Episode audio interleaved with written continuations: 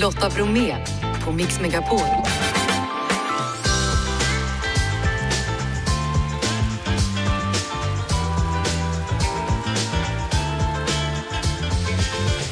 Hej och varmt välkommen in till oss denna torsdag. Full fart mot julafton. Vi har julkonsertbiljetter till Peter Jöbacks julkonsert och ett årsabonnemang på Disney+.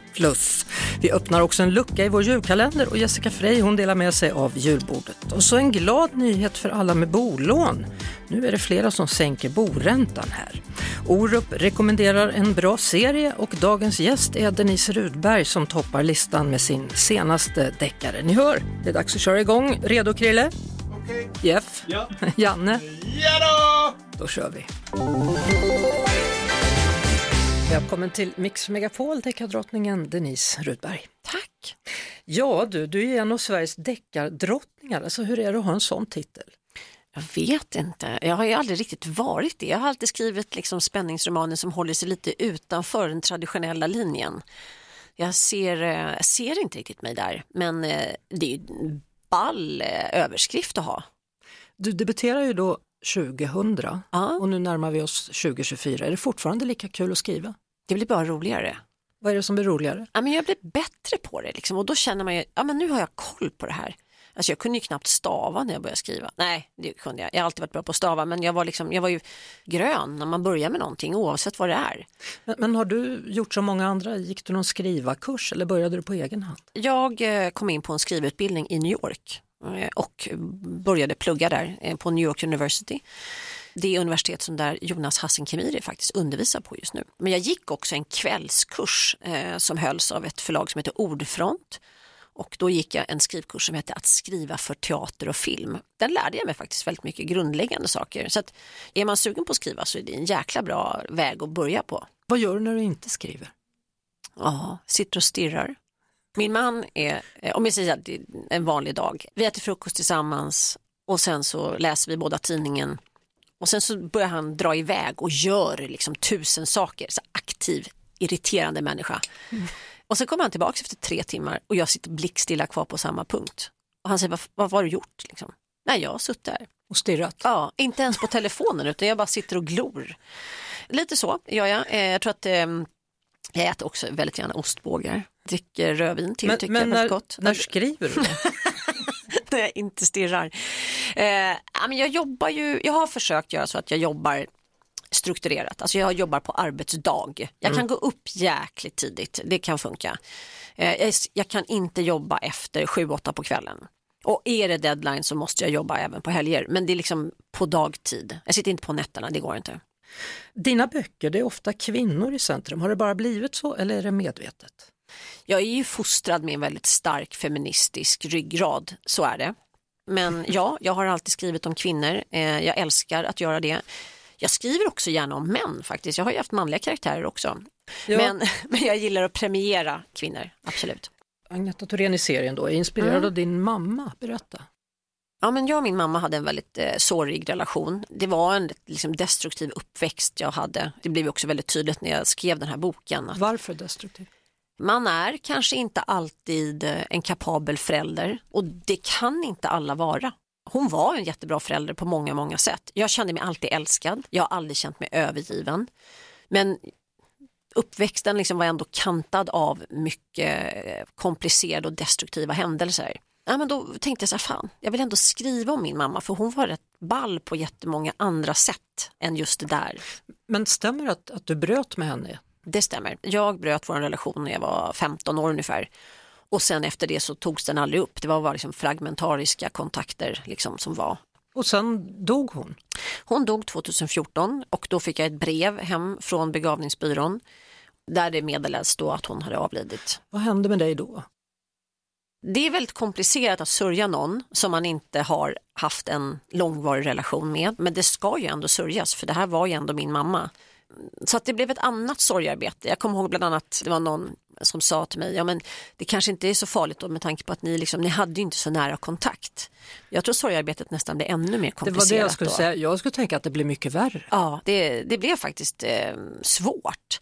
Och sen så var det massor med olika eh, anledningar som också var att jag inte ville gå på hennes begravning. Eh, och det beslutet hade jag tagit långt, långt tidigare. Eh, det fanns helt enkelt inte förutsättningar till det.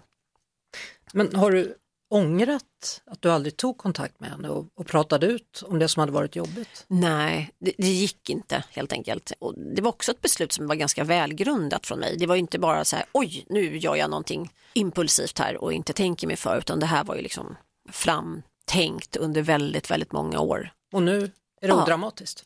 Ja, men nu är det nog lite mer avdramatiserat och det här är väl kanske också min läkningsprocess lite grann. Att så här, återuppta och reclaima låter ju väldigt reklamigt så, men reclaima vår relation. Så vilka var hennes positiva sidor då? Hon var helt orädd. Hon hade noll respekt för överhet. Det främsta draget som jag känner att det där har jag verkligen ärvt. Hon kunde gå upp till vem som helst och säga, alltså hon sket i hierarkier, eh, hon, var, ja, hon var totalt orädd.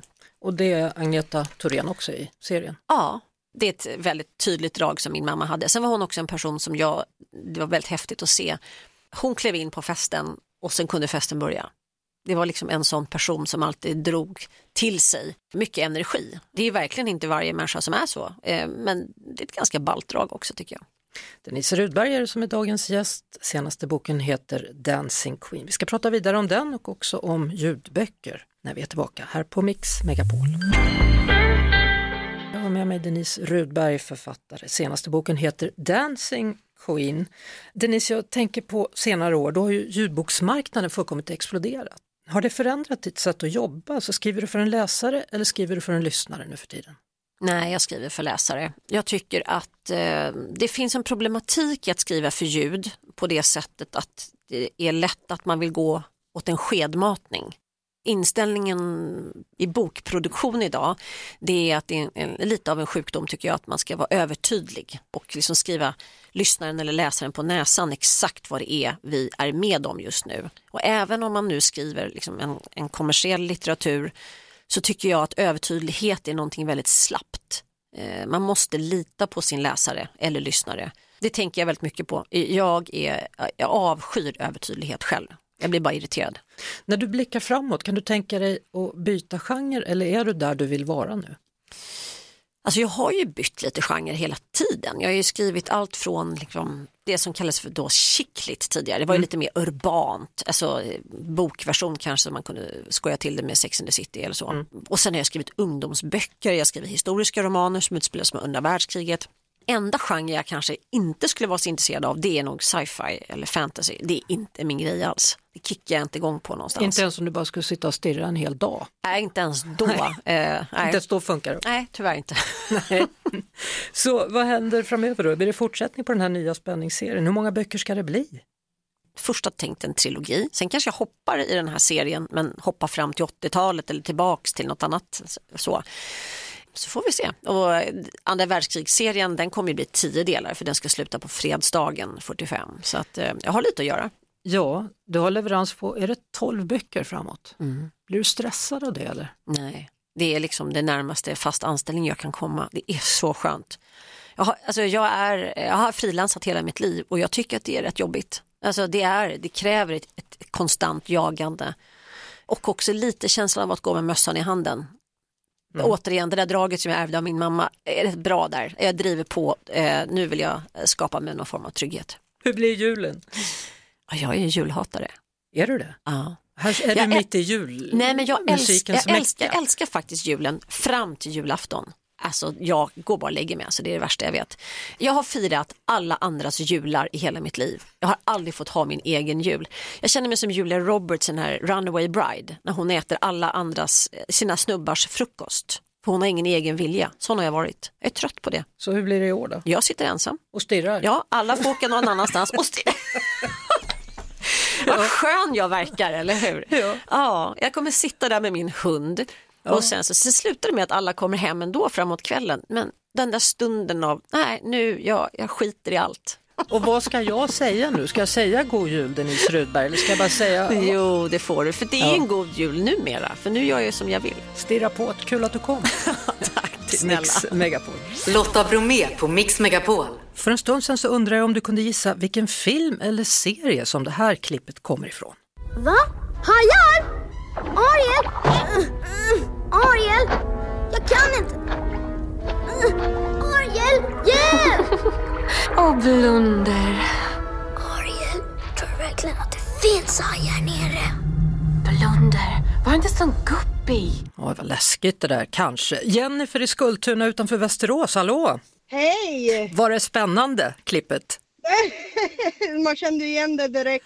Varför? Ja, men med gamla barndomsminnen, man tittar på allt på Disney förr. Ja, och den här gången så hade vi hämtat det från vilken Disneyfilm? Den lilla sjöjungfrun. Alldeles rätt. Ja du Jennifer, du tittade på Disneyfilmer när du var liten, tittar du även på dem nu när du är vuxen? Absolut, mycket. Vilken är din favoritfilm då av alla som finns att välja mellan? Och Lejonkungen är en stor favorit. Ja den är fin och det är bra musik i den också. Ja, verkligen. Gud ja. Men du, vad bra, du har vunnit ett premium årsabonnemang då hos Disney Plus, vilken julklapp! Åh, vad kul! Men då säger jag stort grattis till dig! Tack så jättemycket! Ja, och sköt om dig och god jul Jennifer Skultuna! Tack detsamma! Lotta Bromé och den perfekta mixen på Mix Megapol. Eh, Flera storbanker har i dagarna sänkt sina bolåneräntor. Frida Bratt är sparekonom på Nordnet. Välkommen till Mix Megapol och eh, god jul! Ja, men god jul. Kommer fler banker att sänka sina boräntor nu tror du? Ja, jag tror det. Just därför att det är flera centralbanker, inte bara Riksbanken, som har flaggat för att räntetoppen nu är nådd, det vill säga man har höjt klart och det börjar talas om att man kommer att börja sänka räntorna nästa år. Och då följer marknadsräntorna efter, då blir det lägre finansieringskostnader då som det heter för bankerna. Och då kan man sänka räntorna. Så att jag tror att fler kommer att följa efter. Så hur lågt tror du att vi kommer komma till slut? Det där är ju jättesvårt att säga och man måste också skilja på rörliga och bundna bolån. Det är ju framförallt bundna bolåneräntor som faller nu. Sen kommer de rörliga falla i ett lite senare läge tror jag när Riksbanken har börjat sänka, vilket man ju inte har gjort än då. Men kanske om man tittar på den rörliga att den kan hamna någonstans runt ja, 3,5 procent i något slags normalläge. Men det är väldigt svårt att säga. Det beror ju på om inflationen faller som alla hoppas på och så vidare. Eh, men det är nog det man hoppas på snarare än att man ska gå och hoppas på att eh, räntan faller tillbaka till 1,3 procent eller så som vi hade i ett läge tidigare. Hur ska man som bolåntagare tänka här nu då? Ja, men jag tror att det är viktigt att vara medveten om just det, var vi är någonstans nu. Att sitter man eh, hos en bank som säger att nu är det bra läge att binda, ja då kanske man ska tänka just på det här att vänta nu, bolåneräntorna är ju kanske på väg ner nu. Om man då binder i det här läget, ja då kanske man missar faktiskt en ganska stor rörelse neråt. Så det bör man ha i bakhuvudet. Och sen så är det ju faktiskt så att det är en bättre konkurrenssituation på bolånemarknaden än vad vi har sett tidigare. Och där kan man ju nyttja som bolånekund om man är beredd att byta bank till där man får bra villkor.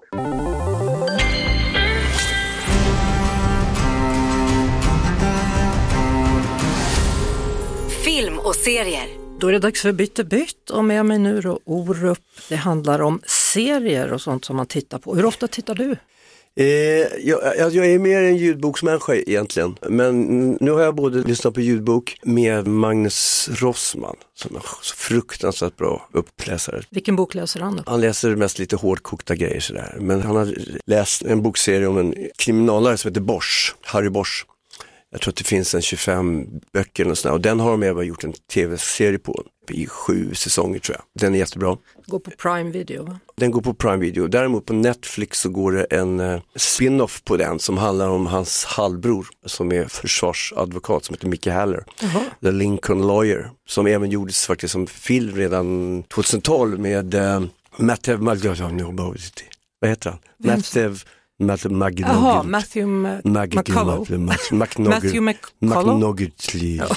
Kallar de för det? McNogligley. Ja, ja. Eh, så det både lyssnar jag och... Eh, McConaughey, heter han så? McConaughey heter han. Ja.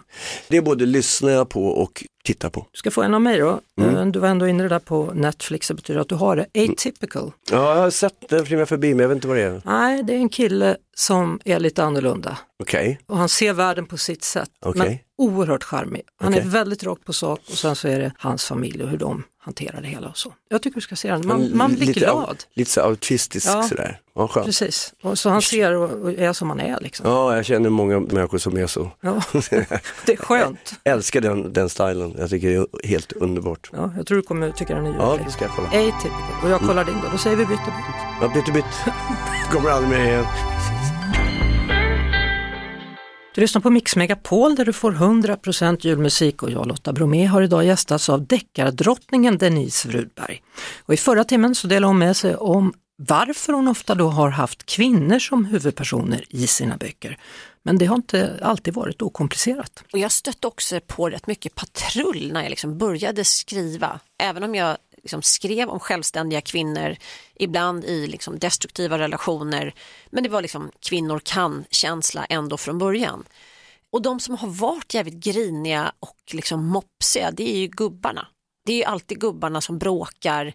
Kvinnliga författare, vi har inga, det finns inga schismer, det finns ingen, absolut är vi ju konkurrenter. Det är ju samma sak som om vi skulle tävla mot varandra i ett skidspår. Liksom. Det är så jäkla konstigt hur det där har blivit. Du lyssnar på Lotta Bromé på Mix Megapol. Det handlar hörni, om två biljetter till Peter Jöback lördag den 9 december är det ju nu på lördag då. Eh, Mix Megapol bjuder ju dig på julmusik runt om i Sverige och jag säger hallå hallå till Johan i Vällingby. Ja, tjena Lotta. Hur är läget? Ja, sådär lite äh, krasslig hals. Är du hemma och är sjuk? Ja, det är på bättringsväg. Ja, men vilken tur. Men du har inte feber Ja. va? Nej, det har jag inte. Nej. Vad, vad brukar du göra för husknep, liksom sådana husmorstips när du är förkyld? Har du någon kur? Nej, det är, det är bara liksom vila och ta det lugnt och ta någon värktablett eller febernedsättande sådär. Ja.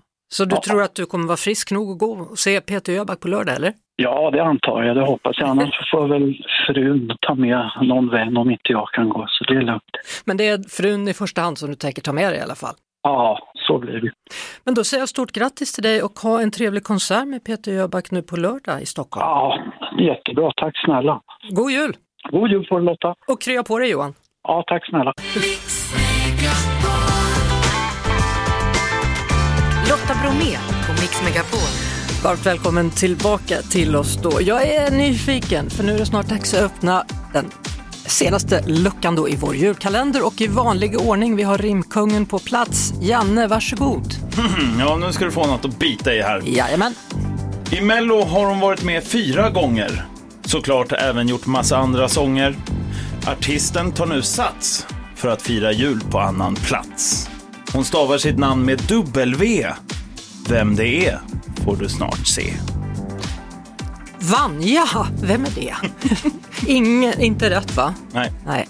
Jag funderar en stund till. Funderar du också? Snart så vet vi svaret. Nu ni, har ni kommit på vad det var Janne rimmade om? Det var någon som börjar på W. Vi får se, nu öppnar vi. Från oss alla till er alla.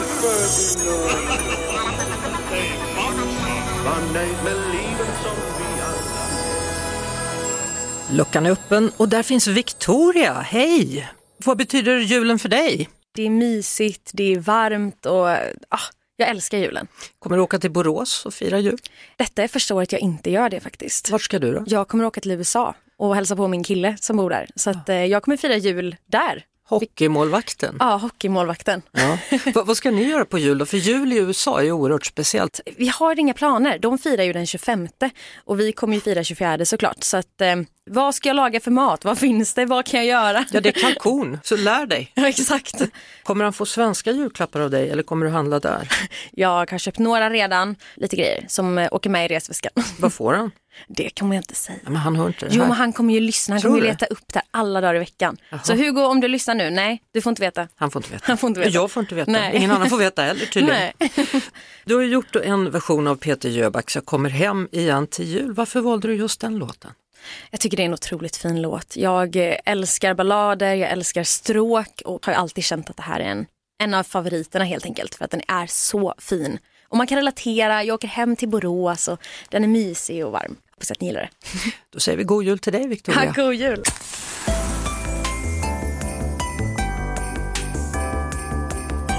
Jessica Freys julbord är tillbaka och nu ska vi prata om julgodis. Det kan ju lätt bli för mycket av socker och så, men det finns annan typ av godis man kan njuta av. Ja, för några år sedan kom jag på något som jag själv blev väldigt nöjd med. Att jag skar ananas, mango och hela vindruvor, Och sen så doppade jag det i smält mörk choklad. La ut det på en bakplåtspapperplåt in i kylån och så fick det stelna. Det här blir så fruktiga små praliner så att du biter igenom det här härliga mörka chokladen och så i där så är det fruktig fräsch ananas. Jätte, jättegott. Så helt plötsligt så känner man sig nyttig trots att man äter fruktpraliner? Ja, exakt. Mörk choklad, jättebra. Frukt, jättebra.